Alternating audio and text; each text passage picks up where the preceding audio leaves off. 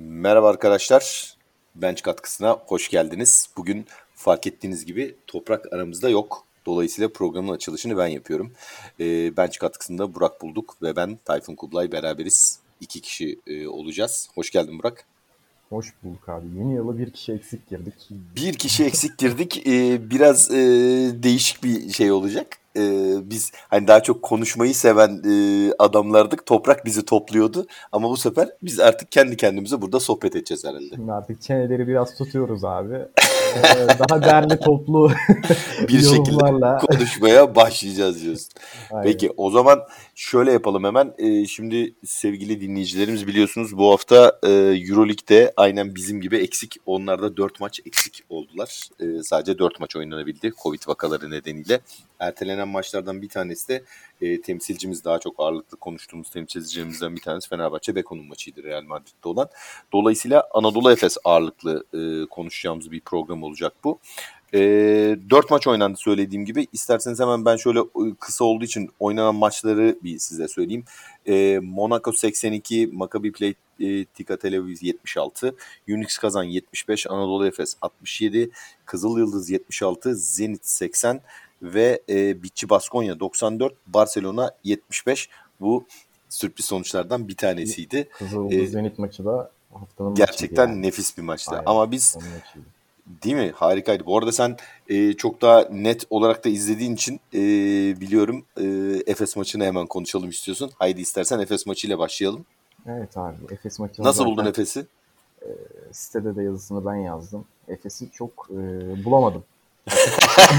Artık bulamadık diyorsun yani. Ya şöyle bir durum var. Tabii ki çok büyük bir handikap. Şimdi hem Mitsic hem Simon yokken e, Anadolu Efes için e, zaten zor geçmesi beklenen bir maçtı. Mitsic'in ben olmadığını maçta öğrendim bu arada. Yani maç öncesi ısınmada Maç öncesi sakatlandı. ısınmada sakatlandı. Evet Aynen. öyle bir sıkıntı Bile, oldu. Ters tam bir vurmuş. şok oldu yani. Yani çok büyük handikap oldu. Zaten Simon'un oynamayacağını biliyorduk ama Mitsic'in olmaması Efes'in bu top yönlendirme işini yapabilecek oyuncu sayısını, eleman sayısını çok azalttı. Yani Larkin ve Boboa'ya kaldı. Ee, yani maça da 17-0 girdim. Evet o inanılmaz bir yani, şeydi 17-0. Yani Şok bir başlangıç. Olabilecek her şey tek tek sayıyorum bak. Öncelikle Simon'un hafta başındaki yokluğu zaten. Sonra Aynen. maç öncesi Mix için yokluğu. Ondan sonra maça 17-0 girmen, geride girmen. Hı hı. Ardından e, Tibor Plyce'ın tamamen devre dışı kalması. Çünkü Anadolu Efes'in bu maça gelirken en formda iki oyuncusu. Biri Mitsic'ti, biri Plyce'tı. Doğrudur. zaten maça çıkamadı. E, Plyce da maç içinde devre dışı kaldı. Çünkü Unix Kazan gerçekten çok iyi savunma yaptı bu arada Plyce'a. Kesinlikle. Ee, yani zaten sadece çok... 6 dakika süre alabildi değil Aynen mi? Aynen öyle. Plyce'a da zaten çok ters gelen oyuncular var karşı takımda. Şimdi mesela Tonya Jekiri olsaydı karşı takımda belki Plyce biraz daha e, efektif kullanılabilirdi. Şimdi karşı takımdaki olmayan bir oyuncu senin en formda uzununla eşleşmesi gereken oyuncu normal şartlarda e, ve o oyuncunun devre dışı kalması otomatikman Plyce'ı da devre dışı bırakıyor. Çünkü çok yıpratıcı bir 5 e, numara rotasyonuyla oynadılar. E, yani özellikle John Brown da yani fiziğinden John çok Brown. fazla oynuyor. Gerçekten inanılmaz bir oyuncu abi bu arada. Yani ben Unix Kazan'ın yaklaşık 3. ya da 4. maçını izliyorum full. Ee, yani gerçekten her şeyi yapıyor. Yani sahada parkede yani ine, her şey inanılmaz şey derken olumlu anlamda inanılmaz diyorsun evet, yani. Evet, o, evet. o agresifliğinden bahsetmiyorsun yani değil mi? Doğru anladım. Tabii ki. Tabii. Ya agresifliği var ama oyun içi agresifliği onu zaten çok farklı bir noktaya taşıyor. Yani John Brown'u gerçekten çok benziyor. İşte Draymond Green'e çok benziyor. Yani oyun Aynen öyle. olarak onu söylüyorsun e, sen hep. Onu çok, benzetmeyi çok yapıyorsun. benziyor. Yani agresiflik olarak da çok benziyor. Yani kısaların karşısında kalması işte yani pas atıldı mesela. Yani top yere çarptığı an orada John Brown beliriyor. Yani bir yerden fırlıyor o topu çalmak için. Havadaki o sahipsiz topların hepsinde var yani. Zaten ee, 28 verimlilik puanıyla maçın adamı seçildi. MVP seçildi. Aynen yani öyle. Bayağı John da iyi oynadı gerçekten zaten. çok iyi oynadı. İşte Tibor Plyce'ın devre dışı kalması ardından Adrian Muelman'ın sa- maç içindeki sakatlığı. Yani e, Boboa'nın maçın içine bir türlü girememesi. Bütün hepsi birleşince... Dunstan'ın da bir sakatlığı vardı galiba. Sonra düzeldi gerçi ama kötü bir düştüğü bir pozisyon vardı. Evet kötü düştü. Ee, bileğinin üstüne düştü. El bileğinin. Ee, bir çıktı ama 3-5 dakika sonra tekrar girdi. Yani onunki çok önemli değildi ama Moerman çıktıktan sonra bir daha geri dönmedi. Zaten direkt soyunma odasına gitti maç için. Aynen öyle. Aynen ee, öyle maalesef. Yani Efes için çok çok farklı şekillerde kazanılması gereken maçtı. Efes'in kendi denkleminde kendi düzeninde kazanabileceği bir maç değildi bu. E, ama bu konuda da Larkin'e e, hiç yardım gelmedi. Yani Boba çok e, sıradan bir maç çıkardı ki şöyle bir durum var şimdi. Hem en çok hem... ihtiyacımız olduğu bir maçtı yani Boba'ya diyorsun değil mi? Ya şöyle aslında gerçekten çok ihtiyacımız vardı ama onun skor yükünü taşımasına ihtiyacımız vardı. Şimdi top yönlendirici sayısı azaldığı için Bobo otomatikman e, biraz daha kendi guardmış gibi hissetti. Çünkü gerçekten topu yönlendirebilecek, e, hücum setlerini oynayabilecek çok fazla oyuncusu yoktu Efes'in. İşte hı hı. Larkin, işte Elijah Bryant yarım yamalak yapıyor o işi. Bir de Onu da soracağım sana. Ona ayrı bir parantez açarak Elijah Bryant'ın performansını soracağım sana. Bir de Filip Petrushev soracağım gerçi ama tamam. e, sen şimdi devam et. Sonra ben o ayrıyeten bir konuşuruz tekrar. Şimdi yani e, hem Simon hem Mitsic yok. Larkin ana top yönlendirici. E, yanına yardımcı bekliyorsun. Şimdi yardımcı e, çıkmadı Efes tarafında. Şimdi karşı takıma bakıyoruz. John Brown iyi oynadı. Andrei Vorontsevich iyi oynadı. Onlar iki oyuncuyu buldular maçı kazanacak. Üstüne üçüncüyü de Marcus Gisu son çeyrekte çok iyi oynayarak Bence üçüncü, de. Üçüncü oyuncu olarak orada kendi adını yazdı. Zaten Unix kazan orada bir fark yarattı. Yani, Zaten o solak şutlarıyla işi bitirdi gibi bir şey yani. Yani bir de şöyle bir durum var. Unix kazanı bundan önce neyle konuşuyorduk? Isaiah Cannon'la Lorenzo Brown'la konuşuyorduk. Ki bunlar yoktu gibi bir şey. Ne Cannon ne Brown yani maçın içine hiç giremediler neredeyse. İşte Hezonya e, iyi yani iyi mücadele ediyor ama e, onun da gereksiz faulleri oluyor. E, yani o sürekli faul Artı bir istikrarsızlık problemi içinde. var sanki onda biraz. Ne dersin? Ya zaten Hezonya'yı tanımlayan e, şeylerden bu sıfatlardan bir tanesi istikrarsızlık. Yani istikrarlı olsa zaten çok yetenekli bir oyuncu olduğunu Hezonya'nın biliyoruz ama maçın içinde kalma süresi çok düşük oluyor Hezonya'nın. E bir de faal problemine falan girdiği zaman ister istemez e, maçın içine bir türlü tam olarak adapte olamıyor.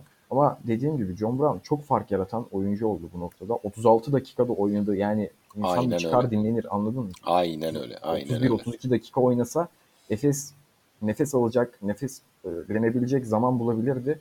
Ama Larkin'in üstündeki o baskı işte Boba'nın e, bir şutörden daha çok bir top yönlendirici gibi oynama zorunda kalması bu maçı bu maçı özellikle e, yani ondan istediğimiz şeyleri tam olarak alamamamız uzun katkısının sadece Bryant Dunstan'dan gelmesi ve Dunstan'ın yaşlı bir oyuncu olmasına rağmen çok da fazla süre aldı.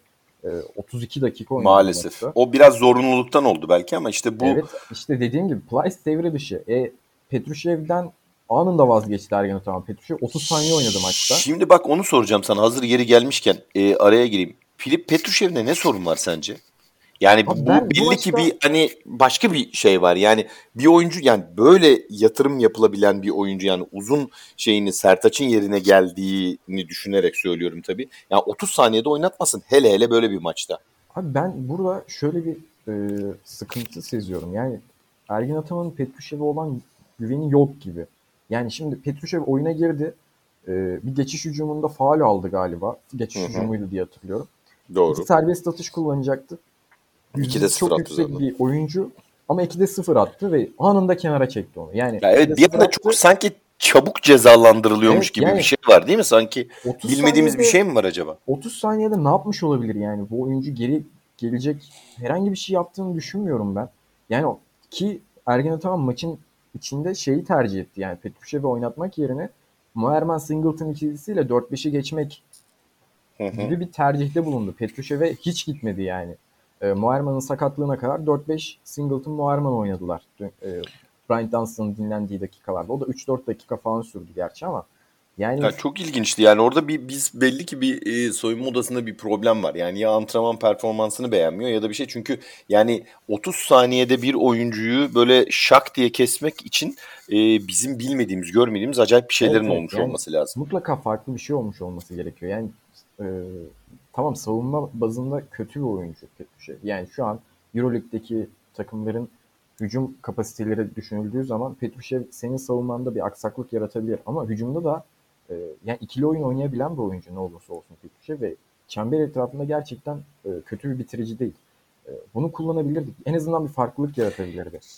Ya şimdi benim gördüğüm sana şöyle bir e, destekte bulunayım ben de. Şimdi e, rakibin hani her e, maçtan maça değişir tabii oyuncuları kullanıp kullanmama. Yani Unix kazan gibi bir rakiple oynadığın zaman onların da böyle hani hele Tonya Cekiri gibi hani pivot gibi pivot olan hani bildiğimiz klasik pivot olan bir oyuncusunun olmadığı bir dönemde e, daha hızlı oyuncularla oynamaya çalışan bir e, Unix kazan olacaktı. İşte burada mesela Petrushev bence daha fazla iş yapabilirdi diye düşünüyorum. Ve biraz sanki e, yani erken vazgeçilmiş gibi olduğunu düşünüyorum. Ve biraz da belki de koç hatası olduğunu düşünüyorum. Bilmiyorum ne diyeceksin sen. Ya tabii ki elindeki rotasyonu elinden geldiğince değerlendirmeye çalıştı Ergin tamam. Ancak ben dediğim gibi şimdi, şimdi Efes'in bir defa çembere kadar devrilen bir uzunu yok şu an. Hı hı, ee, doğru, yani doğru. Bir tek Dunstan var. E, Dunstan da o eski keskinliğinde değil.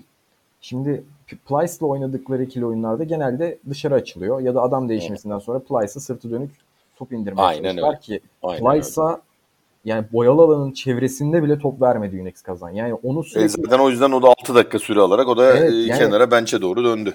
O kadar uzakta pozisyon almaya çalışıyordu ki Plyce yani 3 sayı çizgisinin 2 adım gerisinde falan topla buluşabiliyordu. Oradan sonra da zaten sırt dönük oynaması mümkün değil. Plyce yere vurduğu zaman top 4 saniyede falan yükseliyor. O sırada topu çalıyorlar zaten. Hızlı elli oyuncuları var Unix kazanın.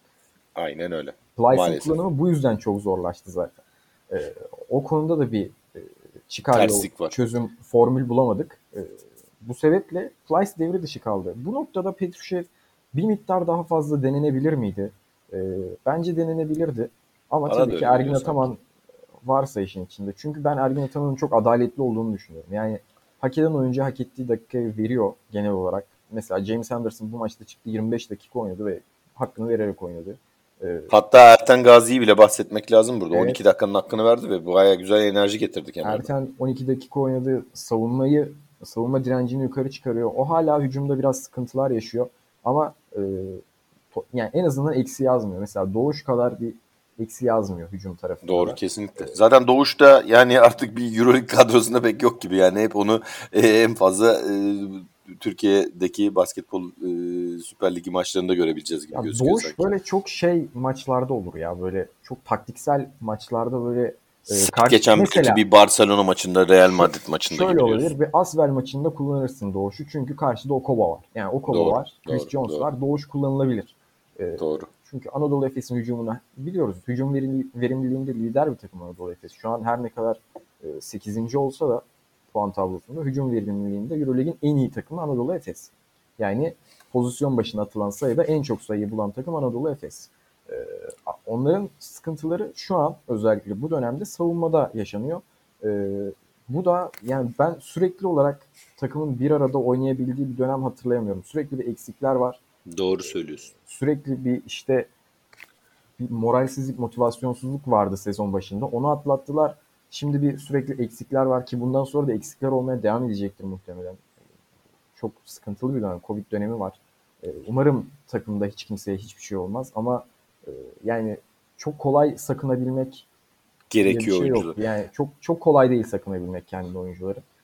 Şöyle bir şey söyleyeyim bak mesela yine maçla ilgili bu konudaki görüşlerini de merak ediyorum. Mesela e, Bisep hani e, ben özellikle e, Efes'in hani uzun oyuncu konusunda bir hata yaptığını belki Elijah Bryant'ı almak yerine bir uzun daha etkili bir uzun alınması gerektiğini düşünüyordum ve bunu da söylüyordum işte en kötü ihtimalle reboundlarda eksik kalıyorduk diye. Ama bu maç özelinde baktığında e, 38 rebound aldı toplam Efes. 36 rebound aldı Unix kazan.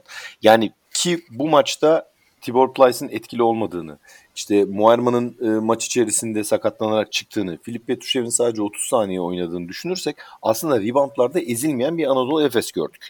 E, buna rağmen e, sanki hani Efes'in sorunu bu defa reboundlarda değil, bu defa topu yönlendirmede ve topu doğru ve uygun pozisyonlarda potaya göndermekte bir sıkıntı yaşandı. Buradan şeye atlamak istiyorum. Burada sıkıntılardan bir tanesi Elijah Bryant olabilir mi sence? Şöyle şimdi Elijah Bryant için aslında çok çok iyi bir maçtı. Yani e, tam olarak. Büyük bir fırsat bir maçı değil miydi? Yani bilmiyorum hani Simon'un falan olmadığı bir dönemde tam işte Miss için olmadığı bir dönemde. Yapabileceklerini gösterme fırsatı bu maçta vardı. Şimdi e, yani Elijah Bryant'tan biz ne istiyoruz? E, yani hücumda bu top yönlendirme işinden yardımcı olmasını bekliyoruz mesela. Yani hı hı. E, Elijah Bryant bunu yapabilecek bir oyuncu. Topu yere vurabilen, işte gerektiğinde ikili oyun oynayabilen, gerektiğinde ISO kullanabilen yani e, birebir oynayabilen bir oyuncu. E, ki zaten bu özellikleriyle de biraz da NBA'ye gitti.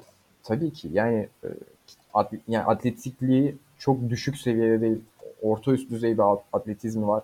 E, şutu var. Yani Elijah Bryant aslında full paket ama her şeyden 7 yapan bir paket. 10 yapan bir paket değil ama 7 yapan bir Doğru. paket. 6-7 yapan bir paket. Şimdi Elijah Bryant'tan biz ama o katkıyı alabiliyor muyuz? Bu maç özelinde alamadık. Bundan önceki maçlar özelinde de alamamıştık. Yani bu sezon Efes'e hücum anlamında çok bir artı getirdiğini düşünmüyorum Elijah Bryant. Ama savunma kısmında, işin mücadele kısmında hep var. Şimdi oyuncunun savunma ve e, bu mücadele kısmında hep var olması e, onun aslında takıma ne kadar adapte olmak istemesinin göstergesi diye düşünüyorum. E, hücumdaki problemleri ancak hücum düzenine kendisinin monte edilmesiyle olabilir. E, bundan önce çok fazla rol gelmediği için bu maçta bocalamış olabilir.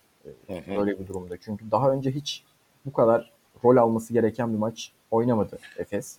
E, işte bu beni biraz endişeye sürüklüyor mesela. Yani daha önce bu kadar rol almaması gereken bir maç oynamadı ve ilk böyle rol almasını beklediğim maçta e, çok da en azından hani skor anlamında veya diğer hani istatistikler anlamında da hani beklenen katkıyı yapamadı gibi sanki. O zaman bu yapılan yatırımın e, karşılığını çok vermeyecek gibi hafif bir e, endişeye sürüklüyor beni. İnşallah sadece bu maçlık bir şeydir diye düşünüyorum. Yani yoksa e, hakikaten e, o zaman Efes yani ona ayırdığı bütçenin yarısıyla e, çok daha hani Petruşev'de şu halde hani kullanılmayacağını görürsek diye söylüyorum. E, çok daha iyi bir uzuna e, harcasa belki daha iyi yaparmış. Aynen öyle. Yani şimdi Elijah Bryant'ı ben düşünüyorum. Ceza şutlarını yüksek yüzdeyle atıyor mu şu ana kadar? Hayır. Hı hı, doğru. Hücumda mesela istediklerimizden biri ikili oyun oynuyor mu? Uzunları görebiliyor mu? İşte dışa açılan şutörlere pas verebiliyor mu? Hayır. Hayır, ee, doğru söylüyorsun. Forvet'ten almamız gereken katkı Elijah Bryant'tan da alamadık şu ana kadar. Yani özellikle işin hücum tarafında. Savunmasına dediğim gibi hiç lafım yok. Yani elinden geleni yapıyor. Yapıyor, Fiziksel aynen oynuyor. Öyle. Doğru pozisyon alıyor falan. Ama hücumda yaptığı çok basit hatalar var. Özellikle bu maçta yani geçiş hücumlarında bile yani e, ondan geçiş hücumlarını da yönetmesini bekleyebiliriz. E, onlarda bile çok basit karar hataları yaptı. Yani e, bir... Yani çok ciddi bir ya da iki tane net hani e, artık top kaybı diyemeyeceğim ona top çaldırdı elinden öyle söyleyeyim. E, bir tanesine onun... gitti dümdüz John Brown'a. Buyur kardeşim dedi aynen yani, verdi yani. Evet, yani öyle şey oldu. yani. Yani o onlar biraz e, can sıkıcı oluyor. Ya bu arada şunu da söyleyeyim e, yeri gelmişken yine hani Efes'in olumlu e, tarafından bahsetmek gerekiyor. Hani reboundlardan biraz önce bahsetmiştik. Hani asist tarafında ezilmedi. Yani rakip e, takım e, olarak Yunus kazandı. Çok fazla asist üzerinden oynayabilen e, bir takım değil kabul ediyorum ama yine genelde e, 20 civarında 20 ve üzerinde asist yaptığı zaman takımlar bu Fenerbahçe için de geçerli. E, daha rahat e, skor buluyorlar. E, 17 asist yaptı çok kötü değil ama buradaki fark yaratan e, herhalde top kayıplarıydı. 10 14 tane top kaybı yaptı Anadolu Abi Efes. 6 tanesini Larkin yaptı zaten ama Larkin Aynen öyle maalesef. Son çeyrekte öldü ya adam. Yani Valla o biraz gerçekten... E, yorgunluğun belki de etkisiyle. Ben yani tek başına çok baskının olduğunun etkisiyle bayağı ya, bir kötü oldu. Şimdi karşıdaki savunmacılara falan bakıyorsunuz. Gerçekten Larkin yani Mitsic yine bir nebze başa çıkabiliyor ama Larkin'in fiziksel e, kapasitesi de mesela Lorenzo Brown'la maç boyunca başa çıkamaz.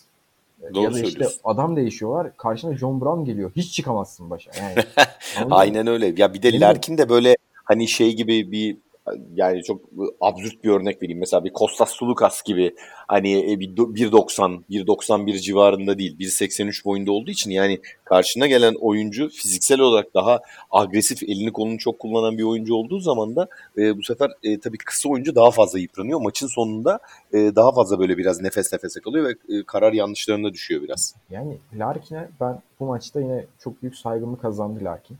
Hı hı. Yani gerçekten hiç mücadeleden geri adım atmıyor. O konuda hiç sıkıntı yok. Kesinlikle. Onun, Her türlü darbeye rağmen devam etti gitti yani. 9 rebound yani e, inanılmaz bir e, rebound katkısı inanılmaz rebound zaten. yani yine sezon, daha önce şeylerde söylemiştik. bu arada. Yani Tabii tabii. Yani bir, bir iki e, program önce ya da geçen programı söylemiştik yani takımın en çok hani e, rebound olan oyuncusu birkaç maçta Larkin'di. Bunda bir gariplik yok mu? Uzunlar ne iş yapıyor falan demiştik. Hatta ben demiştim galiba. Evet. E şimdi bu maçta da 9 reboundda en çok rebound olan oydu.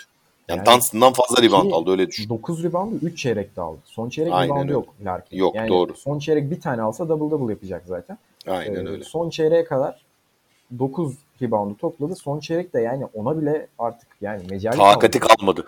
öyle derler ya. Topu kendi getiriyor. işte oyunu kendi kuruyor. Gerektiğinde skor yapması gerekiyor. Yine kendi yapmak zorunda kalıyor. Yani kalıyor. Aynen. Maç Çok fazla her şeyi Larkin yaptı. Savunmada sürekli aktif. Yani bir oyuncunun hücumda ki bu bir süper yıldız Shane Larkin. Ee, Tabii ki. Böyle bir oyuncunun hücumda bu kadar rol alması gerektiği bir maçta savunmada hala daha her yere dokunuyor, her yere koşturuyor olması gerçekten çok saygı kazandırıcı, çok saygıdeğer, saygı duyulası bir olay. Aynen öyle. Bu arada bir şey daha söylemek istiyorum. Yine hani dikkatimi çektiği için bilmiyorum katılacak mısın? Şimdi e, şut yüzdelerine baktığın zaman e, mesela Unix kazan e, 38'de 20 %52.6 ile iki sayı e, isabeti bulmuş. E, 30'da 9'la %30'la e, kabaca e, 3 sayı isabeti bulmuş. Buna mukabil e, Efes yine 38 e, şut atmış 2 sayı olarak 19 isabet bulmuş. Yine kötü değil. Bir beraber gibi yani bu Hı. anlamda %50. E, 21 3 sayı denemesinde 6 isabet bulmuş. Bu da yani %30'a denk gelen bir sistem. Burada belli ki hani sıkıntı e, skor atamamak. Zaten Efes'in 67 sayıda e, kaldığı bir e, maç e, herhalde bayağı bir süredir görmemişizdir bu anlamda baktığında eksikler o, ol, olduğunu kabul etmekle beraber. Burada biraz daha skor atabilen en azından bir zamanlar hala çok iyi şut atabilen Tolga Geçin mesela denenemez miydi? Yani belli ki bazı şeyler e, ters giderken onu e, oyuna sürmek düşünülemez miydi? Ne dersin? Tolga'ya verilen şansları Tolga hiç iyi kullanamadı ya. Ben artık Tolga'nın daha fazla şans bulacağını da düşünmüyorum açıkçası. Yani ya Tolga zaten sadece biraz bench'te e, yer işgal etmekle e, yani kaldı gibi sanki artık, öyle bir durum artık oldu. Artık Efes'in lig rotasyonunda e, önemli bir rol al- alabilir. Yani oyuncuları dinlendirme amacıyla, amacıyla ama ben Euroleague'de bir rolü olacağını düşünmüyorum Tolga'nın. Çünkü Euroleague'de bundan önce şans verdi. Ergin Ataman ona da şans verdi.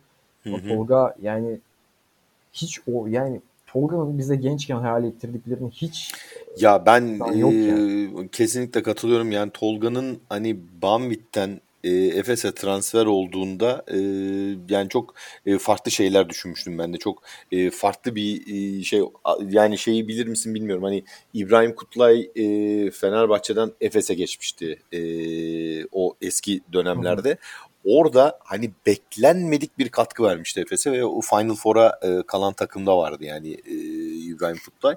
Böyle acayip bir e, katkı vermişti biraz belki ona hayal ettim bilmiyorum ama ya bu kadar silik kalacağını ve bu kadar hani geri planda kalacağını yani Doğuş Balbay'dan bile geride kaldı dönem dönem. Yani e, ki Doğuş'u biliyorsun hani çok fazla süre vermiyor diyoruz hani kritik maçlarda oynatıyor falan diyoruz. E bu sene transfer olan Gazi Erten'den bile geride kaldı. Yani bunun da e, nedenleri belki sorgulanmalı bilmiyorum yani. Abi şöyle şimdi Tolga fiziğinin çok üstünde bir top e, hakimiyeti olan bir oyuncuydu. Aynen öyle. Ee, yani oyuna yukarıdan baktığı için zaten. Abi 2-0-6 oyuncudan bahsediyoruz Aynen ve öyle. 2 numara oynayan 2-0-6 yani çok müthiş bir yani şey. Oyuna avantaj. yukarıdan baktığı için oyun görüşü de çok yüksek, üst düzeyde olan bir oyuncuydu ve çok gençken bunları yapabiliyordu Tolga. Aynen öyle. Bunun yanında şut e, atabiliyordu. Yani şutu olmayan bir oyuncu değildi. Şut atabiliyordu düzenli olarak. E şimdi Aynen böyle öyle. bir oyuncu ikili oyunları falan oynayabiliyordu. Yani aslında eğer kendi potansiyeline, bizim o hayal ettiğimiz potansiyele ulaşsa e, Euroleague'de bir, yani Bill Clyburn kadar atletik olmayan ama ondan çok daha yüksek bir oyun zekası olan bir oyuncu olabilirdi. Ama işte bizim Aynen. gençlerimizdeki en büyük sorun da bu oluyor. Yani oldum tamam diyorlar galiba evet, değil mi? Yani buraya kadar geldim bu tamam benim tap noktam bu diye bırakıyor herhalde öyle. belki de. Kendilerini geliştirme noktasında bir yere kadar geliyorlar ama yük, yani bir üst düzey takıma geçtikleri anda o gelişim duruyor. Yani bu Çok herhangi açık. bir takım. Yani Fenerbahçe'de olur, Efes'te olur. İkisi için de. Yani Metecan da böyleydi çünkü. Metecan da çok e, önemli bir potansiyeldi. Ama Metecan'ın da gelişimi tamamen durdu. Ondan sonra tekrar aşağı alt kulüplere gitti. Orada biraz daha kendini bulup tekrar toparlayıp geldi. tekrar toparladı ya üst seviyeye çıkmaya çalıştı. Doğru hala o potansiyelinde falan değil yani. Metecan'ın da çok farklı acayip işleri vardı. E, Tolga'nın ondan daha yüksek bir potansiyeli vardı ama ikisi de e, kendini kaybettiler. Bu konuda benim en üzüldüğüm oyunculardan biri de Okben'dir zaten. Aynen Okben Ulbay şu anda Galatasaray'da oynuyor. Yani Okben inanılmaz bir oyuncuydu genç yaş takımlarında. Gerçekten e, yani ben bu kadar domine edebilen bir guard görmemiştim hiç. E, o zamanlar boyu daha kısaydı tabii. Ve nereden nerelere geldi diyorsun şimdi. Aynen öyle. Ve şu an yani Galatasaray'da rol oyuncusu olmak zorunda kalıyor. Maalesef. Ya bu arada mesela Tolga'yı konuşuyoruz ama Tolga'yı da hani e, haksız yere e, eleştirdiğimiz zannedilmesin. Mesela şöyle bir e, istatistik örnek vereyim. Mesela bu sezon 6 maça çıkabilmiş sadece ve e, ortalaması 1.3 sayı ve ortalama aldığı süre 6.30 dakika sadece. E, bu bu sezonki bir önceki sezon veya ondan önceki sezonlara baktığınız zaman e, sayı ortalaması yani çok ilginç gelecek ama sayı ortalaması düşüyor yahu. Yani 2020-2021'de bile 6 maç e, sadece süre almış ama 4 sayı ortalamasıyla oynamış. Yani e, bir şeylik var. E, zaten kötü performans. az şey olduğu için bu kötü performansın da altına gelen bir e, kötü bir sezon e, başlangıcı yaptı. E, yani umarım düzelir. Yani çok e, büyük bir yetenek yani gözümüzün önünde kayboluyor gidiyor gibi geliyor. Ya mesela bu maçta bir etken ol, olabilirdi eğer e, iyi bir Tolga geçimi olsaydı ama işte yani şu an bu maçta bile kullanılmayacak durumda. Duruma geldi değil mi? Çünkü yani bu maçta bile dediğimden kastım rotasyonunun bu kadar daraldığı bir Anadolu Efes maçı çok kolay kolay görülmez yani. Aynen öyle. Peki e, şimdi e, Efes'le ilgili şimdi ters bir maçtı. Yani şanssızlıklardan dolayı normalde kazanabilecekleri e, bir maçtı. Belki de Yunus Kazan adına hani bayağı büyük bir piyango oldu onların bu, bu kadar eksikle gelmesi ve e, beklediklerinden belki de daha kolay bir galibiyet aldılar. Ama e, Efes'te sence e, nelerin düzelmesi lazım? Yani sakatlıklardan bağımsız olarak hani Abi sana bir şey neleri düzeltirsin sen Efes'in sen olsaydın? Hiçbir şeyin düzelmesine gerek yok. Misic oynadığı sürece bu takım bu maçı yine kazanır. Açık ve net söylüyorum. Doğru. Peki transfere ihtiyaç var mı sence Efes, Efes'te hala? Yoksa bu sezonu böyle transfersiz ben, mi bitirecekler? Ben hala bir 4 numara bekliyorum ama Ergin Ataman da transfer kapısını kapattı diye hatırlıyorum. Yani son e, galiba lig maçından sonra olması lazım. Ee, evet ondan önce bir şey söylemişti. Hani bir 4 numara bütçe oluşturulabilirse falan diye ama ondan sonra lig maçından sonra biraz sanki o kapıyı kapattı evet. gibi. Yani takım yani, içinde çözüm takım bulacak bu, gibi sanki. Takım bu. Takımın takımda e, benim takım bu. Ben bu yoldan devam edeceğim gibi bir açıklama yaptı. E, şimdi eğer gelmeyecekse oyuncu tamam yine Efes e, şampiyonluğa oynayabilir. Tam kadro bir Efes. Yani hı hı. şimdi neden bu maçta Mitsic olsaydı Efes bu maçı kazanırdı diyorum. Çünkü Mitsic olsaydı Larkin bu kadar yıpranmayacaktı. Boboa kendi rolünde oynayacaktı. Doğru. Ee, yani Hatta belki Elijah Bryant bile üzerinde belki bu kadar baskı hissetmeyecekti. Kendi, kendi yani yapması gerekenden farklı şeyler yapmaya çalıştığı için oyuncular maç içinde çok fazla hata yaptılar. Ee, mesela Elijah Bryant'ın 3 top kaybı var. Ee, Tabii Shane Larkin'in 6 top kaybı var ki iki tanesi son çeyrekte bir tanesi son pozisyonda direkt rakibe pas atıyor. Ee, yani o, o komik bir pozisyonda hakikaten. Yani o abi adam yorgunluktan gözü karardı ya bence o noktada. Yani artık büyük bir ihtimalle bir bilinç, yani, kaybı falan yaşadı adam herhalde. Ee, Doğru söylüyorsun. Peki sadece Mitz için olması bu, bu konuyu çok değiştirirdi. Bu arada Unix kazandı da şöyle bir durum var. Ee, yani Unix kazanı biz bu Fenerbahçe maçından dolayı galiba İstanbul'da İyi buldun mu sen Unix kazanı? Ben hala iyi bulmuyorum bu takım biliyor musun? Abi e, şimdi iyi bulmuyor olabiliriz ama Unix kazan takımı hem sonuç alıyor o ayrı hem hücum verimliliğinde hem savunma verimliliğinde Euroleague'de ilk 5'te. Yani e, şöyle bir durum var. Hem pozisyon başına yedikleri sayı az hem pozisyon başına attıkları sayı fazla. E, şimdi böyle bir durumda Unix kazanı kötü bir takım diyemezsiniz artık. Yani ne artık e, diyemiyoruz tabii. Kötü bir takım, kötü bir takım mesela biz o maçtan sonra felaket açıklamalarımız var ya bizim podcast'te. Yani işte Euro Cup takımı dendi. Ee, ya tabii tabii. Ama ben e, takımı değil dendi. Anladın mı? İk, ikinci yarıda düşü yani ikinci yarıdaki maçlarla beraber düşüşe geçecekler dedim ve ilk Efes maçıyla beraber herhalde bu ilk yenilgiyi de alırlar dedim. E tamam Efes'in de şanssızlığı oldu falan ama yani e, ben hala düşüşe geçeceklerini düşünüyorum. Çünkü bu arada yani, tamam geçebilirler. Ee, şöyle Efes maçında çok iyi oynamadılar zaten. E, dediğinde, 75 sayı attılar yani. Dediğinde Hı-hı. çok haklısın. Efes'in eksikleri olmasa e, yani çok büyük şans onlar için. Efes'teki bu eksikler. Eğer özellikle Misic'in eksikliği. Ya evet bak Misic diyorsun şey bile yani e, Misic çok önemli tabii ki. Yani takımın belki de %50'si %60'ı o ayrı mesele ama Moerman bile sakatlanmasa maç içinde yani orada bile hani e, işi çözebilecek bir e, pozisyona gelebilirdi Efes yani bakarsan.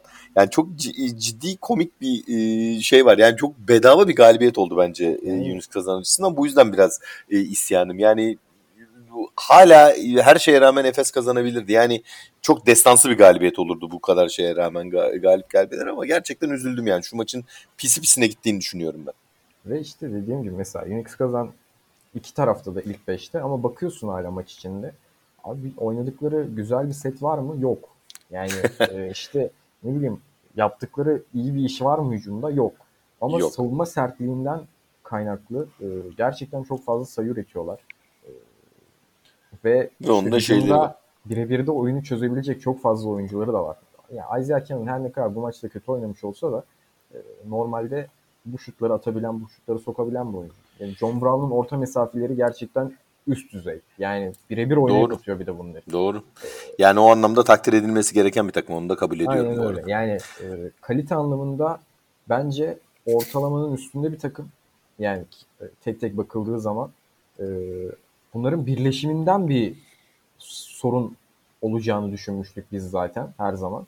Yani bu, bu oyuncuları Ki beraber oynatabilmek çok zor. Bu arada görmediğimiz hani hala kötü Aynen. oynuyor bilmem ne falan ama yani yine de bir sorun çıktığını şu anda görmedik en azından yani, yansıyan bir sorun.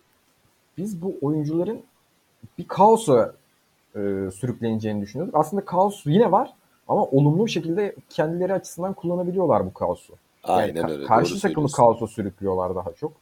Gerçekten takdir edilesi bir takım.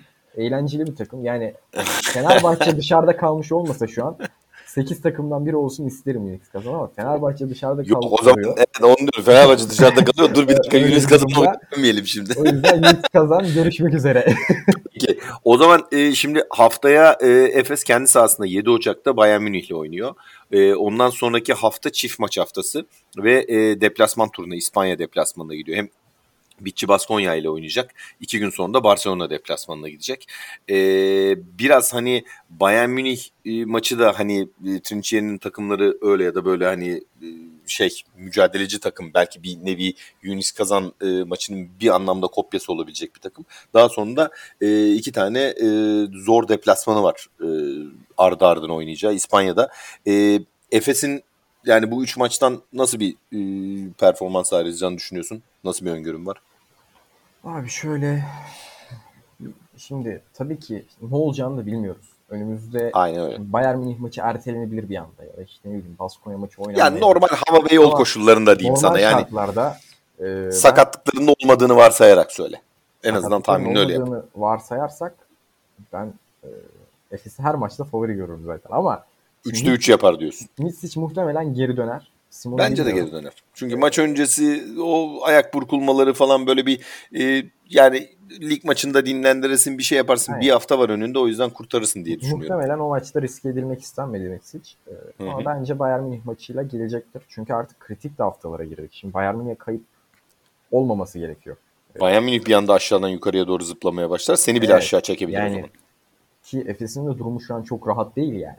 Tabii ki tabii sırada ki. Efes. Tabii ki aynen öyle. O yüzden artık e, risk alınması gerekiyor bence bazı konularda. Ve Bayern Münih maçında ben tam kadroyla çıkıp Simon olmasa bile e, kazanılabileceğini ve yani Bayern Münih daha eşleşilebilir bir takım Efes için.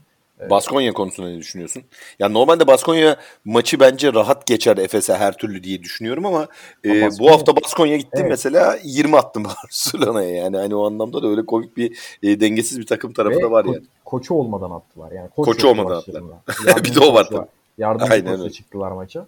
Ee, ben yani Efes yine kazanabilir ama Baskonya deplasmanının zor olacağını düşünüyorum. Çünkü Ve hemen iki gün sonra da Barcelona ile oynayacaklar. Yani o e, biliyorsun e, geçen sene hatırla e, Fenerbahçe Beko o e, İspanya e, deplasman turunda bayağı ağır hasarlarla dönmüştü. Evet, evet, çok... e, ve onlarda da böyle yani işte sakatlık vesaire falan gibi eksikler varken e, bu darbeyi yemişlerdi. Şimdi Efes de biraz e, sanki benzer e, sorunlarla mücadele ediyor gibi. Ve İnşallah tabii öyle olmaz yani. O yanlış hatırlamıyorsam Fenerbahçe de Baskonya deplasmanıyla başlamış. Aynen öyle. Baskonya sonra Real'e gitmişti galiba ya da Real Barcelona'ya Real Baskonya yapmıştı ikisinden biri. Ama yani üst üste iki tane şey olmuştu. Sonraki haftada e, yine deplasman deplasman bu sefer Barcelona'ya gidip Barcelona'da rezil olmuştu. Abi şöyle bir durum var. Şimdi Baskonya yani senelerdir inanılmaz bir e, kültür. Yani çok yıpratıcı bir takım. Hı-hı. Her sene o oyuncuları buluyorlar bir şekilde ve e, rakipleri yıpratmaya yönelik yüksek tempo basketbolu oynamaya yönelik bir kadro kuruyorlar. Ve sanki biraz Wade Baldwin'de böyle biraz e, zincirlerinden boşalmış gibi yani biraz daha iyi ya bence görünüyor. Baldwin bizim için bizim işimize yarayacak. Yani Baldwin ben e, bu seviyelerin oyuncusu olduğunu düşünmüyorum artık. Bu sene özelinde özellikle. Çünkü mental e, düşüşleri çok fazla yaşıyor maç içinde. Yani bu kadar kontrolsüz olmaması gerekiyor. Geçen sene Trinkier onu bir şekilde kontrol etmeyi başarıyordu ama bu sene e, maç için yani özellikle bizim mesela İstanbul'daki iki maçta hem Fenerbahçe'ye karşı hem e, şeye karşı Efes'e karşı. karşı çok kötü oynadı ya. Yani Maalesef. kötü oynadı. Maç içinde çok kayboluyor. Çünkü yeteneklerine göre maalesef diyorum. Çünkü çok e, etkili bir oyuncu esasına baktığında. Yani çok evet. farklı bir stiliyle çok durdurulamaz bir oyuncu olmasına rağmen bayağı e, saçmaladığı zaman da hiç yani e, çekilebilecek bir yani, oyuncu değil geçen yani. sene mesela ondan daha delici bir oyuncu yoktu Euroleague'de. Aynen yani, öyle. Ya resmen Final Four yapacaklardı ya. Evet, Öyle bir şey var mı yani? Direğinden döndüler yani. Ama bu sene hiç oralarda gözükmüyor. Ee, Bayern Münih içeride olması çok büyük avantaj. Efes seyircisini ben çok beğeniyorum. Ee, yani çok büyük destek veriyorlar. Ee, takımda ayağa kaldırabileceklerini düşünüyorum. O yüzden ben Bayern Münih'in kesinlikle kazanılacağını düşünüyorum ama Baskonya biraz sıkıntı olabilir. Barcelona, Sonrasında zaten Barcelona var. Barcelona her türlü mesaj maçı. Ben Efes'in o maçı e, kolay kolay vereceğini de düşünmüyorum. Daha hırslı ve daha motive çıkacaklardır bence de o evet, maça. Ve Barcelona gerçekten yenilmeyecek bir takım değil. Yani e, tamam kadro olarak korkutucular ama bence Barcelona'nın da şu dönemde özellikle Calates'te yokken tek direnç noktası var Nikola Mirotic. Mirotic'i kırdığınız zaman Barcelona e, kalmıyor. Yani. Daha kolay oluyordu. Peki sana o zaman bomba soruyu sorayım ve Efes'i yavaş yavaş kapatalım. Diğer evet. e, bir iki maçtan bahsedelim. Sence e, Sayın Ergin Ataman hani e, Tibor Plyce'ın da dönem dönem tutulduğunu e, düşündüğümüzde Filip Petrushev yerine rotasyona Yiğitcan Sayvir'i e, evet, Yiğitcan Sayvir'i dahil etmeli mi? Yok. O, ne diyorsun? Net diyorsun yani. abi ben onların yerinin Euroleague olduğunu düşünmüyorum. Çünkü oyuncularımız Euroleague'e hazır bir şekilde. Mesela biz Real Madrid değiliz. Hı hı, ee, doğru. Alttan gelen oyuncular Euroleague seviyesine alışık olarak gelmiyorlar. Hazır olarak gelmiyorlar. Yani Real Madrid çıkarıp bugün 3 tane 4 tane oyuncu yerleştirebiliyor. Ama biz 3 tane 4 tane genç oyuncuyla oynasak o maç 30 biter. Yani, yani o o oyuncuları işte ligde hazırlamaya çalışmak lazım ama abi, ligde de ligde altyapıda yani altyapıda bakın şimdi ben Anadolu Efes altyapısında bir oyuncusu oyuncuysam Hı hı. Ee, ne yapmam gerekiyor? Ben ne yapacağım? Anadolu Efes'in A takımına çıkacağım. O zaman Tabii Anadolu Efes'in A takımında oynanan basketbol oynamam gerekiyor. Aynen o mentaliteyle öyle. büyümem gerekiyor Aynen ki öyle. ben A takıma çıktığımda bocalamayayım. Yani ama sen şimdi hala şeylere 18 maçlarına bakıyorsunuz. Hala 2-3 alan savunması. İşte ne bileyim e, gereksiz. Maalesef maalesef şuradan, şuradan şunu çıkaralım, buradan bunu çıkaralım, şuradan şu gelsin, böyle olsun, şöyle olsun. Çünkü öncelik orada maç kazanmak. Yani, yani oyuncu kazanmaktan ziyade maç kazanmaya dönüyor biraz. Ee, buna, buna bütün altyapılarda böyle geldi işte, şu ayrı. Böyle olduğu zaman da sen üst tarafa A takımlara oyuncu yetiştirememiş oluyorsun. Şimdi çok güzel şey söylüyorsun. Petruşev'e bu kadar kötüyken Yiğitcan'a şans verilemez mi? Ya da Yiğitcan'ın potansiyeli Petruşev'den az mı? Ee, bunu da tartışabiliriz. Yani neden Yiğitcan tercih edilmiyor da Petruşev gibi bir oyuncu geliyor? Maalesef, maalesef. Evet yapacak bir şey yok. Artık e, Efes'e yine önündeki maçlar önce Bayern Münih'le başlayan e, maçta e, seriyle e, ilgili olarak başarılar dileyelim. E, Efes konusunu burada yavaş yavaş kapatalım. Seyirciye büyük iş düşüyor. Herkesi salona davet edelim. Eğer tabii inşallah bir sıkıntı olmaz da maç evet. oynanırsa. E, herkes koşa koşa gitsin. E, Efes'i bu durumdan en azından hani psikolojik anlamda e, ayağa kaldırmak için e, destek olsunlar diye ümit ediyoruz. Ve e, şimdi eğer senin de eklemek istediğin başka bir şey yoksa Yok abi. Önemli ve güzel bir maça geçmek istiyorum e, bu hafta oynanan. E, Zenit Kızıl Yıldız maçı. Yani benim beklediğimden müthiş çok güzel bir maç oldu bilmiyorum. Yani hani e, katılacak mısın ama acayip bir maçtı ve Kızıl Yıldız yani hakikaten ta, e, geçen programda da söyledik çok takdir ettiğimiz yükselen e, değer dedik şu dedik bu dedik baya hani şey yaptık. Ya bu maçta e, hakikaten o övgülerimizi sonuna kadar e, hak etti. Yani müthiş oynadılar ya. Yani Zenit'i yani bir ara Xavi Pascual kenarda böyle hani e, taktiği falan e, çizdiği setleri boş verip takımın haydi aslanlar haydi koçlar falan evet, diye alkış Maçın, gaza getirmeye çalıştı. Uzatmalarda yani. böyleydi ya. Uzatmalar tamamen Hadi şey... koçum hadi aslansınız falan modu girdi yani. Çok fenaydı yani. Ve hakikaten takdir edilecek bir basketbol oynadı. Dediğin gibi maç uzatmaya gitti. Ee, 69-69 beraberlikle bitti normal e, süre. E, uzatmada Zenit hani son e, anda kafayı uzattı da hani maçı zor bir şekilde kazandı diyeyim. Neden bu maça da bu kadar önem veriyorum? E, bir dahaki hafta işte bu Kızıl Yıldız bu kadar e, çok övdüğümüz Kızıl Yıldız kendisi aslında Fenerbahçe'yi e, ağırlayacak. Yine e, Zenit kazanma şansı olduğunu düşünmüyorum ya. Yani işte Zenit'in karşılaşacağı zorlukları belki de daha da fazlasını Fenerbahçe Beko e, yani. yüzleşecek. Bakalım ne olacak o iş. O yüzden o maç belki Fenerbahçe Beko maçına bir şey verebilir diye de biraz da e, maça geçmek istedim. Yani nasıl buldun maçı? Yani bilmiyorum takip edebildim mi ama ben izledim ve ağzım e, açık kala kala kaldım ben böyle yani baştan inanılmaz sona yani. izledim ve şey Hı-hı. yani ben Kızıldız atmosferini unutmuşum abi. Öf, bana güzel güzel hatırlattılar bana. Yani ya, ben hiç bu kadar maçın içinde bir e, taraftar topluluğu ya, görmedim ya. Billy Bayron'ı bak çok iyi oynayan Billy Bayron'ı bak böyle vasat oynayan Billy Bayron'ı değil. ikinci yarıda resmen nötralize etti tribün ya. Böyle bir şey yok yani. Yani adam 5'te 5 atıyordu el üstünden. İkinci yarıda 4'te 0 attı yani. İnanılmaz bir şeydi. attığı şutlar da yani acayip yani. vardır. Yani, 25 sayı bitirdi bu arada maçı yani yanlış anlamasın sevgili dinleyicilerimiz. neleri attı yani. Öyle atışlar yok. Acayip. 9 öf, metreden el üstü öf, atış falan öf, yani. Öf, inanılmazdı yani. Hani hakikaten helal olsun diyorum. Tribünler işin içinde. Bu arada e, Jordan Lloyd'u da hani e, olur ya hani onlar arada sapıtıyordu. Gerçi uzatmalarda falan biraz daha iyi oynadı. Ona bir şey Jordan şey demiyorum Lloyd ama. Maçı kazandırdı ya. Yani işte hani normal şey için söyleyeyim hani normal e, maç e, uzatmaya kalmayan bölümü için Aynen, söyleyeyim. Orada bile Hani mesela e, o uğultularıyla Jordan Lloyd'u gerçekten raydan çıkardılar yani o anlamda. Yani müthiş bir tribün vardı. Helal olsun. Ya Kızıldız yani bu tribünle bence daha çok maç kazanır. Evin, özellikle evindeki maçlarda çok çok problem yaratır rakip takımlara. Abi kazandıra kazandıra adamlar resmen yani playoff fotosuna tekrar e, girdiler. Yani ben bu kadar beklemiyordum açıkçası. Hakikaten ya bir de bu kadar güdük takımla beklemiyordum öyle diyeyim sana. Yani e, ve şöyle bir durum var. Şimdi Kızıldız Zenit maçına geçersek e, taraftarları bir kenara bırakırsak. Taraftarlar Hı-hı. çünkü maçın çok büyük etkeniydi. Tabii canım. Ee, ya Kızıl Yıldız'la beraber oynadılar yani bütün salondaki taraftar. Şimdi Zenit açısından bu maçta sevindirici nokta Billy Beyra'nın sonunda e, kendi standartlarında yani bu takımda beklenen e, katkıyı verebilmesi. Hı-hı. Şimdi Billy Beyra'nın bu, bu takımda bu sene şu role evrildi.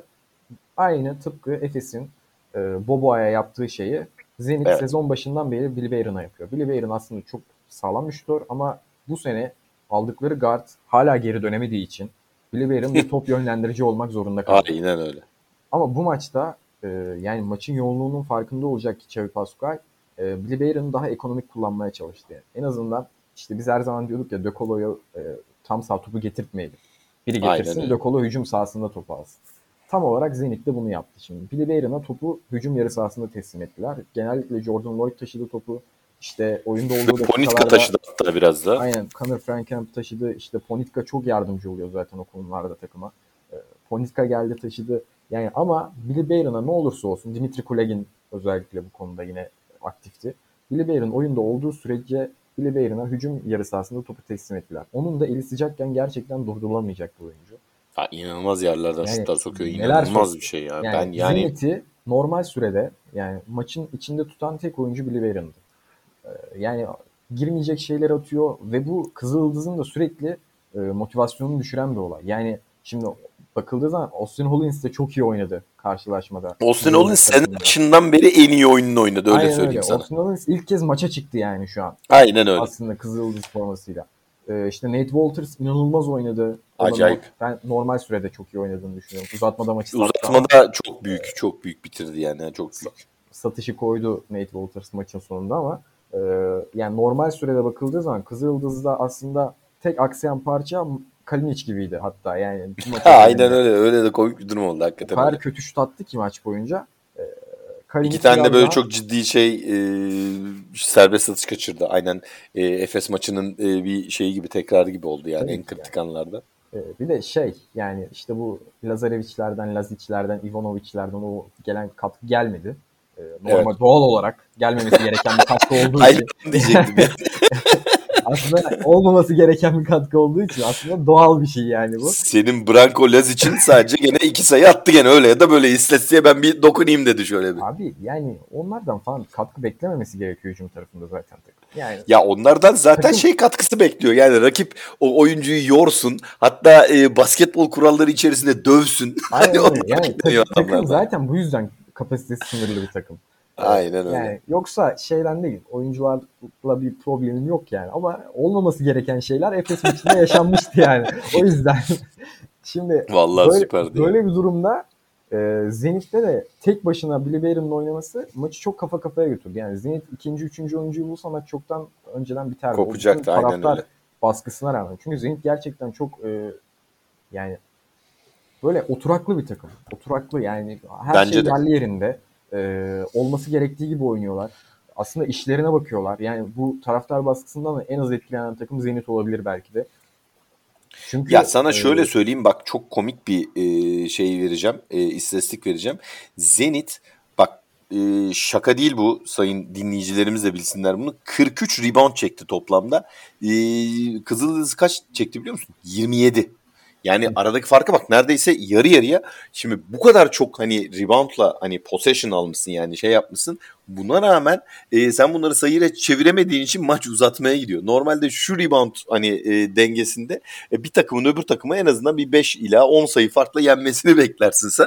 Maç uzatmaya gidiyor ve uzatmada götürüyor zaten. Ya, o konuda çok komik. Zenit'in en büyük eksikliği çok fazla top kaybettiler. 18 top Kesinlikle 18 top kaybı çok fena. Kesinlikle. İnanılmaz bir durum. Kızıldız da 7 top kaybetti sadece maçta. İşte o Onlar 18 top kaybının 8 ya da 9 tanesini seyirci sayesinde kaybettiler de diyebiliriz evet, bu arada. Yani. Evet, Çok yani, ciddi bir bağırış çağırışla kaybettiler onu. Ya bir de hala Zenit'in gerçekten net bir top yönlendiricisi. Gardı yok yani takımın. Gardsız Aynen bir öyle. takım. Şimdi Fenerbahçe'ye bütün sezon gardsız gardsız. Zenit de gardsız abi. Gardı yok bu takım. Aynı geçen sezonki yani. Fenerbahçe'nin e, gardı olmamasını daha çok hani dilimize doluyorduk ya. Bu sezon hani gene biraz Pierre Yeni vesaire falan filan var diye. Geçen sezonki Fenerbahçe'den de beter bir e, guard rotasyonuyla oynuyorlar şu anda. Yani şu an Zenit için ne diyoruz biz? Tam bir koç takımı. Yani öyle. oyun içindeki aklı e, koç sahaya sunabiliyor. Yani e, kenardan Kesinlikle. o katkıyı yapabiliyor. Akıl katkısını, Kesinlikle. IQ katkısını yapabiliyor. Yani Zenit çünkü e, yani iki senedir böyle. Geçen sene de Pengos vardı. E, şeyin Çavu Pascual'in yardımcısı. Ama onun da saha içinde yapması gerekenlerin çoğunu Xavi Pascual'ine e, çok büyük yardımcı oluyordu. Xavi Pascual bu yüzden çok özel iki senedir performansı. Kesinlikle, ee, kesinlikle. Ya bu Conor Frankamp çok e, biz Toprak'ta da konuşuyorduk. E, hep de e, sana söylüyorduk yani o saç e, şeyini hep dilimize doluyoruz e, şey olarak. Ama e, Conor Frankamp esasında e, güzel bir kart. Ama e, kullanılmadığı zaman hani kendi özelliklerinden farklı bir role evrilmeye çalıştığı zaman son derece sıradan bir oyuncuya dönüşüyor. İşte bu maçta biraz öyle oldu. Yani Conor Frankamp'e çok fazla güvenilmediği için hani onun şeyine e, özelliklerine uygun şekilde oynanmadığı için bir anda senin dediğin gibi Billy Bayron e, top taşımak e, zorunda kalıyordu bazı maçlarda. Bu maçta işte onu biraz attılar ama Conor Frankamp de kötü bir günündeydi o anlamda baktığında. E, bir tek burada şunu söylemek istiyorum o e, Zenit'le ilgili. Ya Ponitka'ya bir ayrı parantez açmak istiyorum. E, ilk çeyrekte ilk çeyrek sonunda Zenit toplam 7 hücum rebound yok pardon 7 rebound almıştı toplam rebound. Bu 7 reboundun 6'sını Ponitka almıştı. Yani bu çok inanılmaz bir şeydi yani. Her şey yapıyor ama yani. Öf inanılmaz. inanılmaz yani. Çok ilginç. Ve bu arada ilginç bir şekilde sen e, fark ettin mi bilmiyorum. E, ben maç boyunca neredeyse hiç oynamadı zannettim. Şimdi istatistiklere bakıyorum da sadece iki dakika oynamış. Kuzminskas hiç yoktu. Mesela evet. Kuzminskas oynasa belki biraz daha ciddi bir şey olur. Belki de onda bir sakatlık falan vardı. Bilemiyoruz tabii o ayrı mesele ama yani Kuzminskas'ın oynadığı işte Efes maçı e, var. işte Fenerbahçe'ye karşı oynadığı maçlarda çok büyük fark yaratan, e, çok büyük eşleşme sorunları yaratan bir oyuncu. Mesela onu kullanmadıkları için e, rakip Kızıl Yıldız'da da hani uzun e, sıkıntısı olduğunu düşündüğümüz zaman biraz sanki intihar etmiş gibi oldu e, Çabuk Başkoğlu ama dediğim gibi belki de bir sakatlığı vardır. Şeyden dolayı olmamış. Maç çok fizikseldi ve Kuzminskas bence fiziksel teması çok seven bir oyuncu değil. Ya Antonio Pushko bile 8,5 dakika oynadı anasını satayım ya. Pushko ama 5 numara rotasyonunda gerçekten e, sıkıntıydı. Gudaitis yoktu çünkü. Evet doğru söylüyorsun. Onu e, oynatmak yani zorunda kaldı biraz O yüzden da. Pushkov oynamak zorundayız zaten. Çünkü şeyde Poitras da yani son çeyrekte artık bir oksijen tüpü lazım oldu adama. Ee, yani o orada bitti. Yani. Jordan Mickey sonra doğru devreye girdi falan ama yani normalde şeydi yani. Ama e, şöyle bir durum var. Kuzmiskas dediğim gibi biraz fiziksel temastan kaçan bir oyuncu olduğu için bence Xavi Pascual'in de tam olarak gözüne girebildiğini düşünmüyorum şu ana kadar Kuzmiskas'ın. Yani çok bana da öyle geliyor. Net bir rolü olabilirdi bu takımda ama şu an hiç beklenen yani ben değil. Çok iyi bir transfer olarak görüyordum. Yani çok iyi bir ekleme olarak yani e, to the point bir şey e, ekleme olarak görüyordum şeye. E, Zenit'e ama yani benim beklediğimden daha böyle az kullanılıyor gibi sanki. Yani bir de şöyle bir durum var. Frank Camp'e de şöyle dokunayım. Şimdi Frank Camp aslında bakıldığı zaman e, bir guard. Yani bu işleri yapabilecek, işte top yönlendirmesini yapabilecek bir oyuncuymuş gibi görünüyor olabilir. E, fiziksel özellikleri olarak ama hiç hiç oralarda yok Frank Camp. Yani e, Frank Camp kendine skor üretebilen ama takımı oynatabilen bir oyuncu değil. E, kendine skor üretebilen e, ve kendi skorunu yaptıktan sonra mutlu olan bir insan.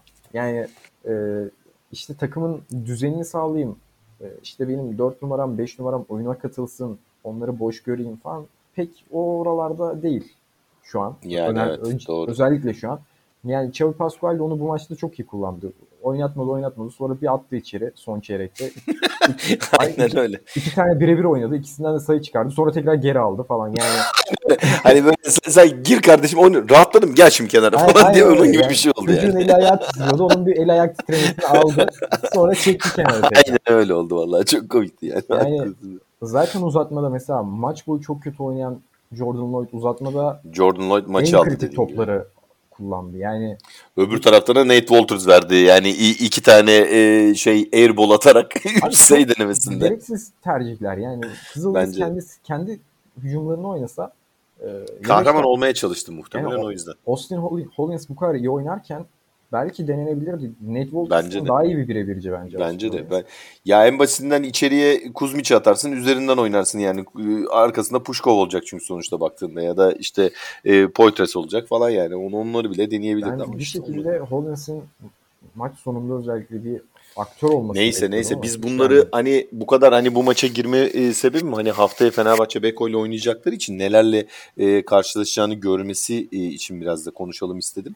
E, Fenerbahçe Beko'nun ama e, yani dirençli e, ve sert bir takım e, Kızıl Yıldız. Evet.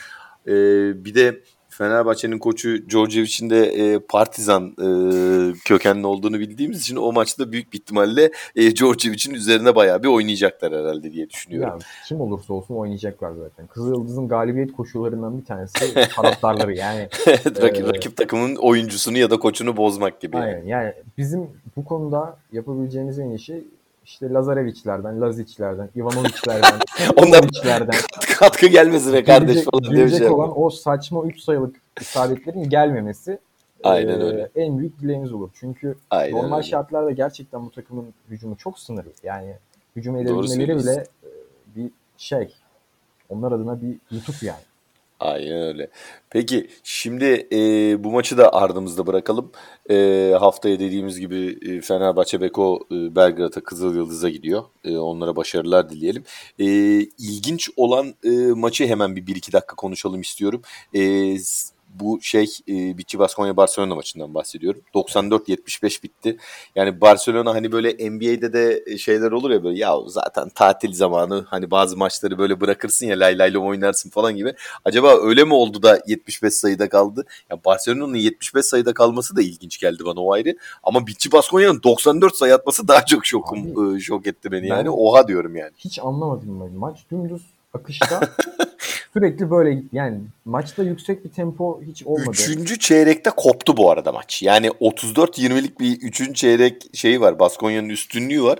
Ya hani tamam ikinci çeyrekte de etkisi vardı şuydu buydu bilmem ne ama yani o 14 sayılık fark nasıl oluştu ne ara oldu hani kafayı çevirip öbür tarafa bir çevirirsin aa bir bakıyorsun 20 sayı olmuş ne oluyor be falan diyorsun böyle yani. Ben anlayamadım maçı yani maçı izliyordum ben böyle dümdüz olan şekilde gidiyordu Sonra birden abi olan şekilde giderken maç 20 oldu. Ben anlamadım yani. Bir anda koptu ee, yani Allah Allah falan diyorsun değil mi? Gerçekten e, ilginç bir maçtı. İzlemesi de benim için zor bir maçtı. Biraz yani çok Barcelona bu kadar kötü oynarken ben izlemeyi sevmiyorum Barcelona. Ama senin adamın döndü sahalara. Corey Higgins sahadaydı ya, bu sefer. sahadaydı. Çok iyi performans evet. gösteremedi o ayrı mesele ama en azından skor Higgins döndü yani. Çok riske atmadılar onu bu maçta. Biraz ısınsın Bence diye attı sahaya bir süre.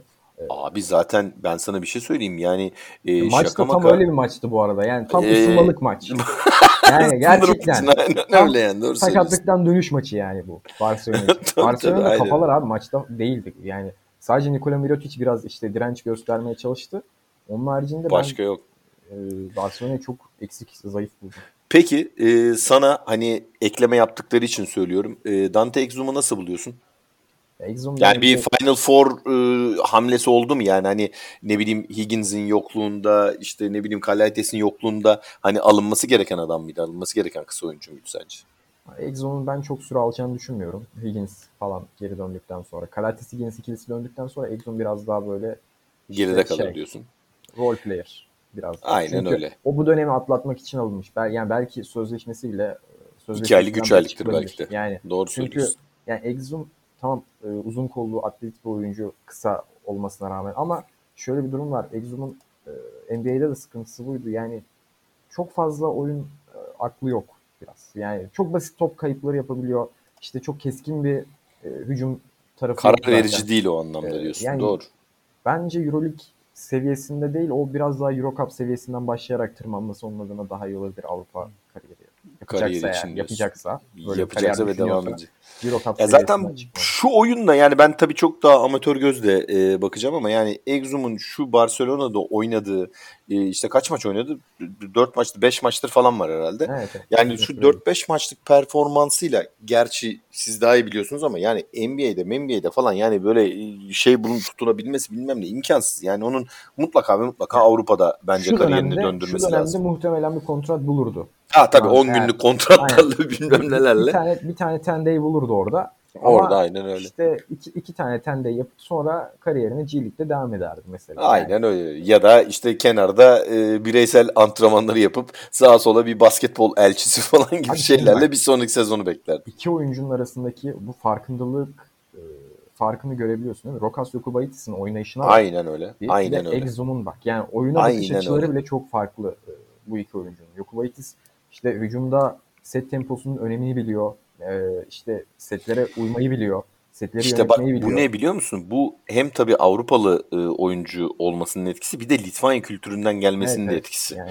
yani diğeri hani muhtemelen daha böyle nasıl söyleyeyim e, disiplin anlamında daha e, az bir e, disiplini olan bir e, okuldan diyeyim okullardan ya da takımlardan yetişmiş ama öbürü hani daha 11-12 yaşında bile hani e, A takımın nasıl oynuyorsa o şekilde oynayan bir e, kültürden gelen bir oyuncu. Yani İkisinin çok büyük farkı var. Yokubaitis'in potansiyeli de olabilir tabi. Yok tabii. canım o potansiyel harika. bir oyuncu dermişim ona. Az, azıcık minicik bir e, potansiyel de diyebiliriz ama. ya tabii çünkü e, haklısın tabii bu arada şaka bir yana. Yani biz ne e, aynı kültürden gelip de oynayamayan Ulanovaslar gördük diyorsun. yani, Rokoleni Ukic'ler falan gördük abi.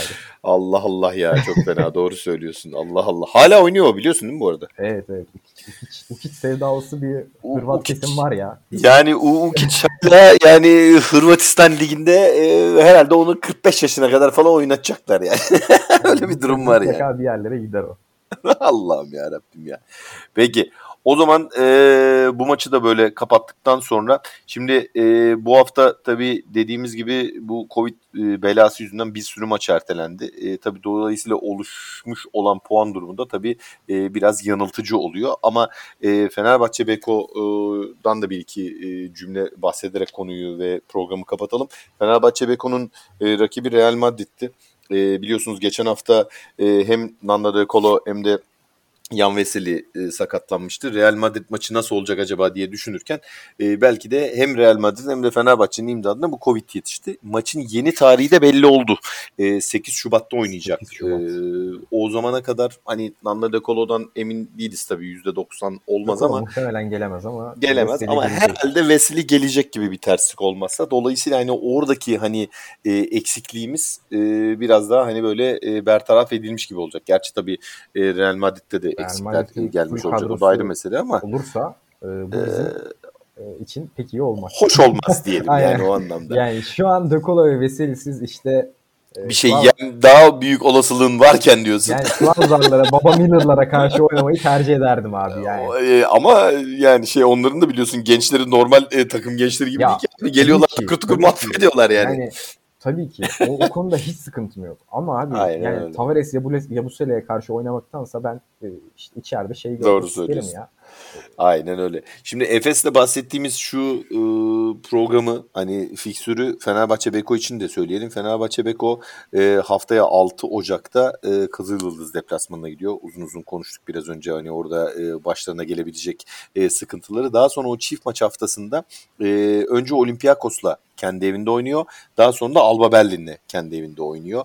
Ee, özellikle Al, e, Olympiakos maçını e, ilk e, devre böyle son e, topta kaybetmişti Fenerbahçe.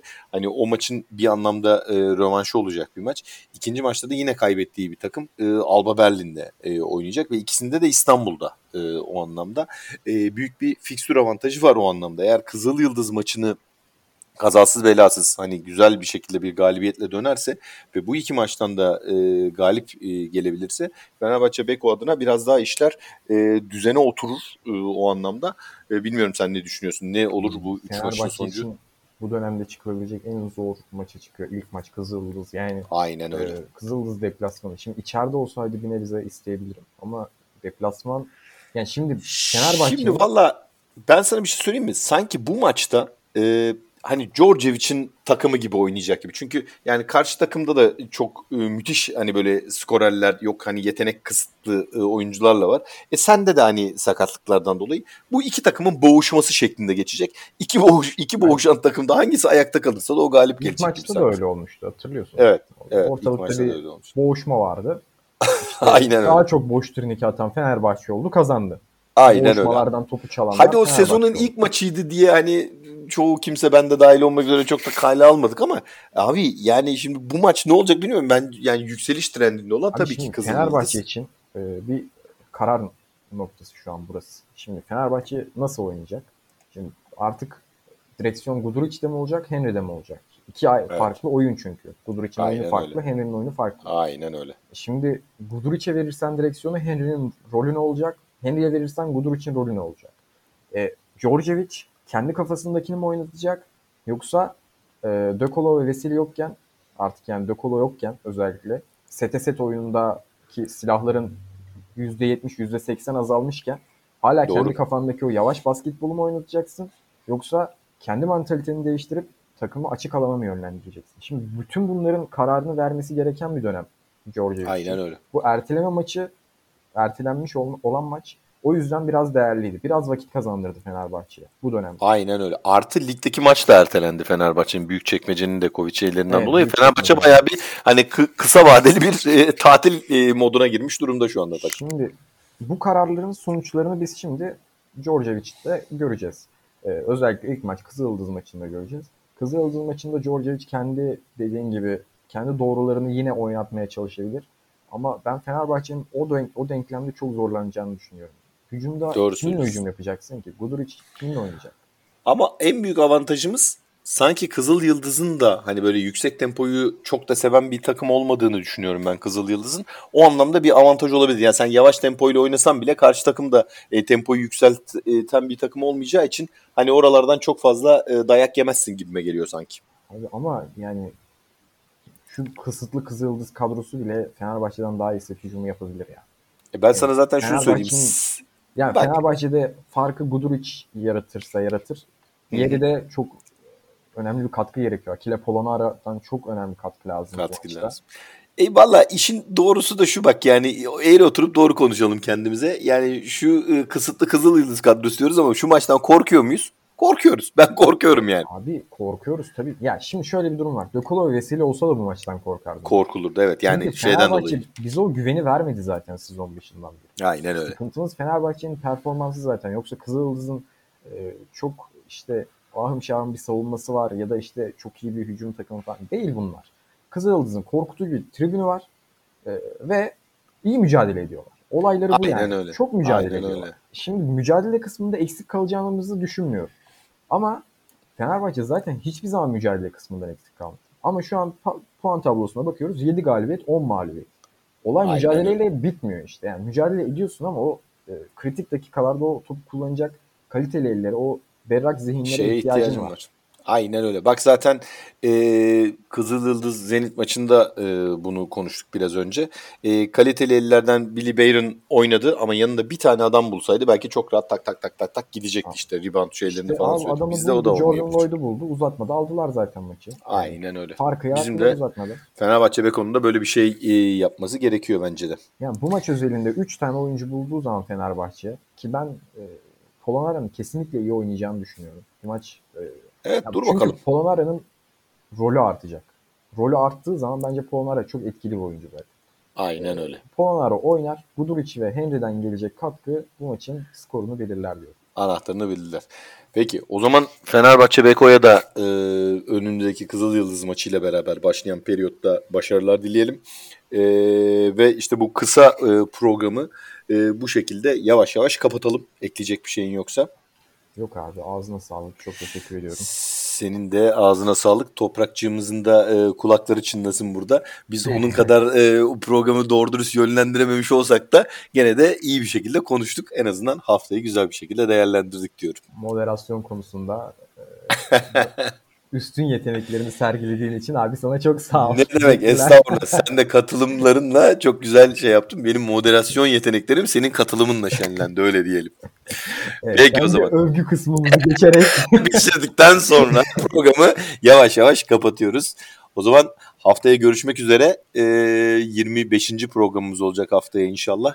E, güzel iki takımımızla ilgili inşallah maçlar da oynanır tabii bu arada. Sağlıklı Aynen. bir şekilde. E, güzel galibiyetlerle keyifli bir program yapmak dileğiyle.